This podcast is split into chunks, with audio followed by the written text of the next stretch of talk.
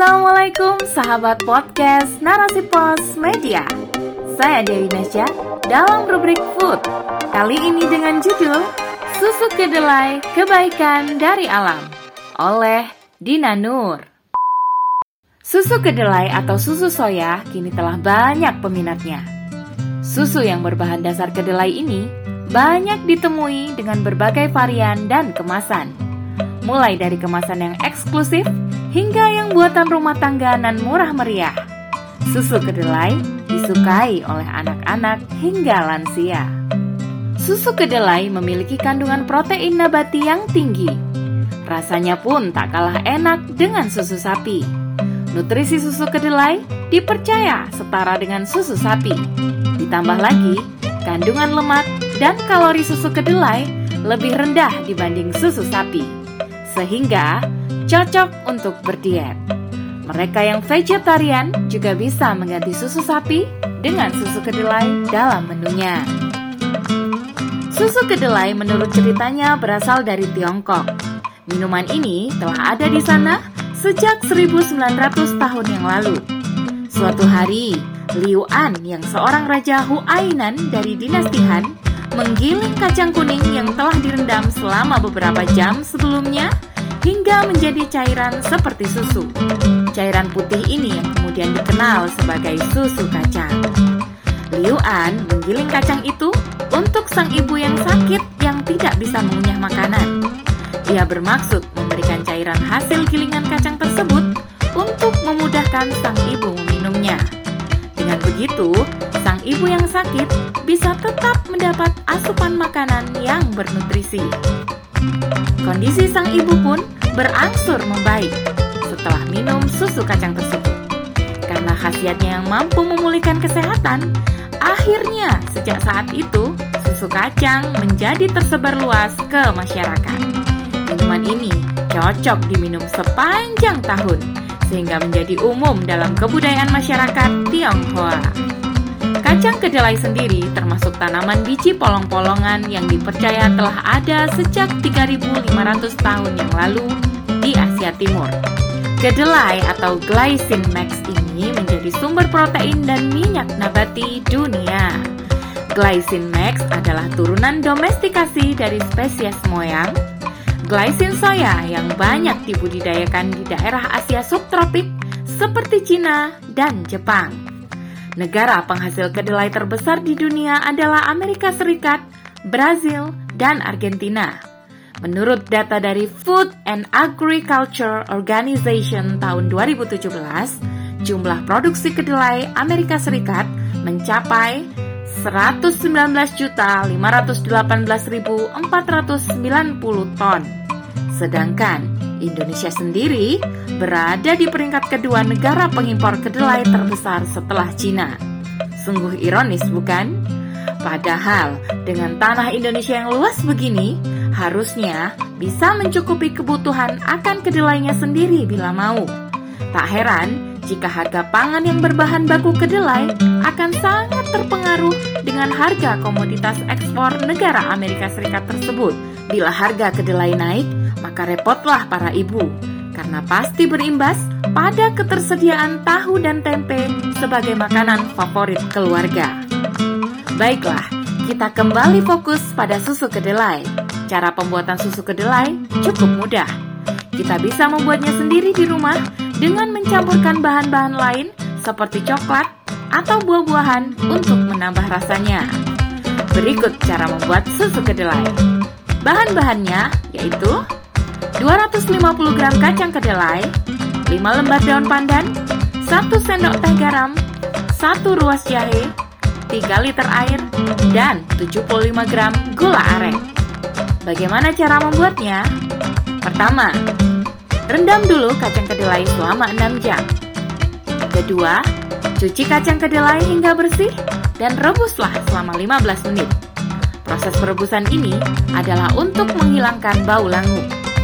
Ketiga, buang kulit ari kacang kedelai dan busa-busa yang mengambang, kemudian tiriskan. Keempat, ambil separuh kedelai, masukkan ke dalam blender dengan ditambahkan 750 ml air, lalu haluskan, kemudian saring dengan kain bersih, dan peras.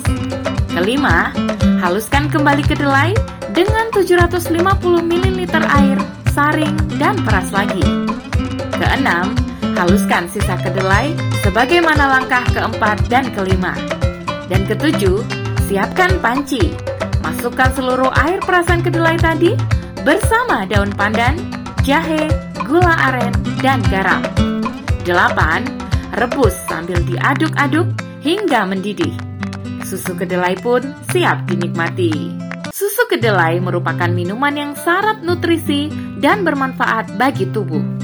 Dalam susu kedelai terkandung air, energi, protein, lemak, karbohidrat, serat pangan, kalium, fosfor, zat besi, natrium, kalsium, tembaga, zinc, karoten, vitamin B1, riboflavin atau vitamin B2, isoflavon, niacin, vitamin C, vitamin D, dan vitamin E. Luar biasa mantap kandungan nutrisi susu kedelai hingga layak menjadi menu diet yang baik. Adapun manfaat susu kedelai yaitu membantu menurunkan kolesterol, membantu menurunkan tekanan darah, membantu mengontrol gula darah, membantu menurunkan berat badan, sebagai antioksidan pelindung sel-sel tubuh, mengurangi resiko kanker, membantu melihara kesehatan tulang dan otak, membantu memelihara kesehatan tulang dan otak, bagus untuk saluran pencernaan, mencegah osteoporosis, mengurangi gejala menopause, dan sebagai antidepresan meningkatkan mood atau suasana hati. Susu kedelai dianggap sebagai alternatif dari susu sapi untuk mereka yang alergi dengan kasein dan laktosa. Anak-anak yang alergi terhadap susu sapi bisa beralih pada susu kedelai formula yang kini memiliki kandungan nutrisi kalah baiknya dengan susu sapi. Susu formula kedelai telah disesuaikan dengan kebutuhan nutrisi anak dalam masa tumbuh kembangnya.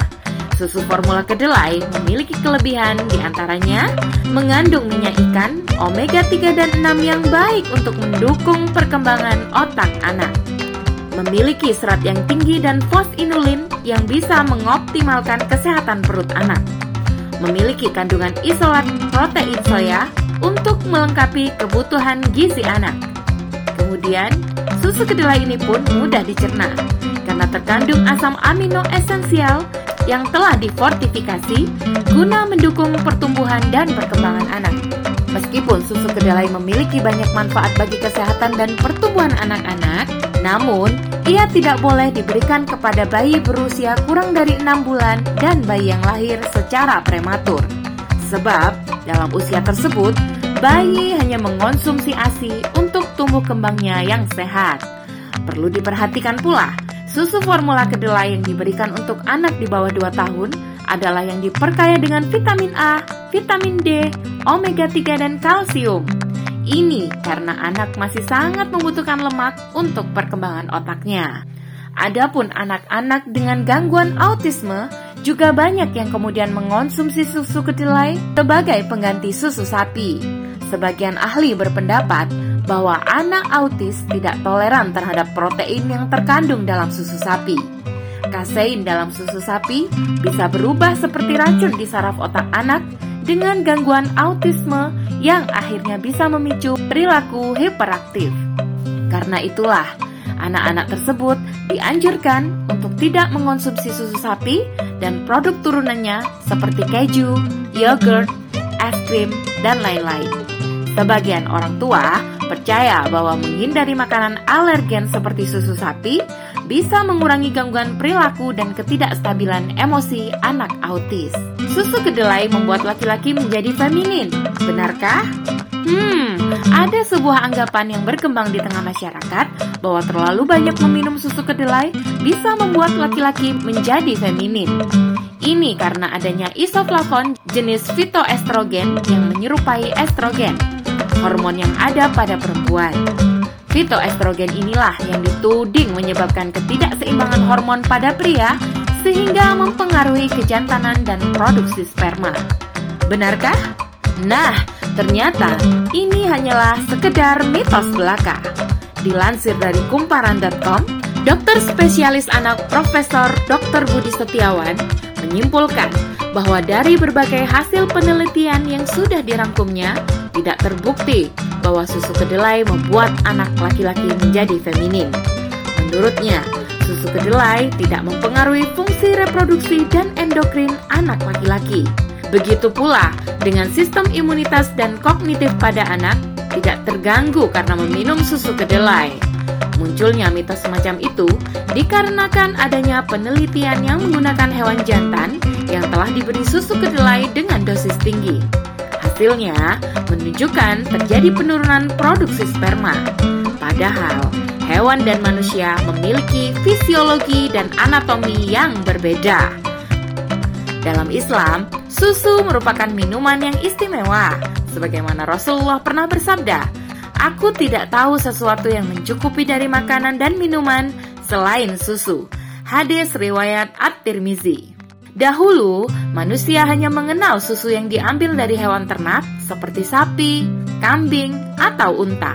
Namun, kini susu juga bisa dibuat dari tumbuh-tumbuhan seperti kedelai, almond, dan kurma. Susu dari tanaman ini tak kalah gizinya dari susu hewan. Penggemarnya pun kini makin banyak. Dengan perkembangan teknologi dan ilmu pengetahuan, manusia bisa lebih mengeksplorasi alam yang disediakan oleh Sang Pencipta untuk kemanfaatan bersama. Melalui berbagai penelitian dan inovasi, terciptalah hal-hal baru yang bisa membawa kebaikan bagi masyarakat banyak. Allah telah menciptakan bumi yang terhampar begitu luasnya dengan bermacam tumbuhan di dalamnya adalah untuk manusia. Bagi mereka yang mau berpikir, pastilah akan menemukan cara bagaimana memanfaatkannya tanpa merusaknya. Mengolah bermacam tumbuhan dengan ilmu yang mereka ketahui untuk menghasilkan produk yang baik dan berguna bagi masyarakat luas. Sungguh, Allah Subhanahu wa Ta'ala telah menumbuhkan banyak kebaikan di bumi ini seperti yang dia firmankan dalam surah Asy-Syu'ara ayat 7. Dan apakah mereka tidak memperhatikan bumi? Berapakah banyaknya kami tumbuhkan di bumi itu berbagai macam tumbuh-tumbuhan yang baik? Kembali kepada manusianya, akankah menggunakan akal yang diberikan oleh Allah untuk melakukan kebaikan, membiarkannya, atau justru membuat kerusakan dan keburukan? Wallahu a'lam.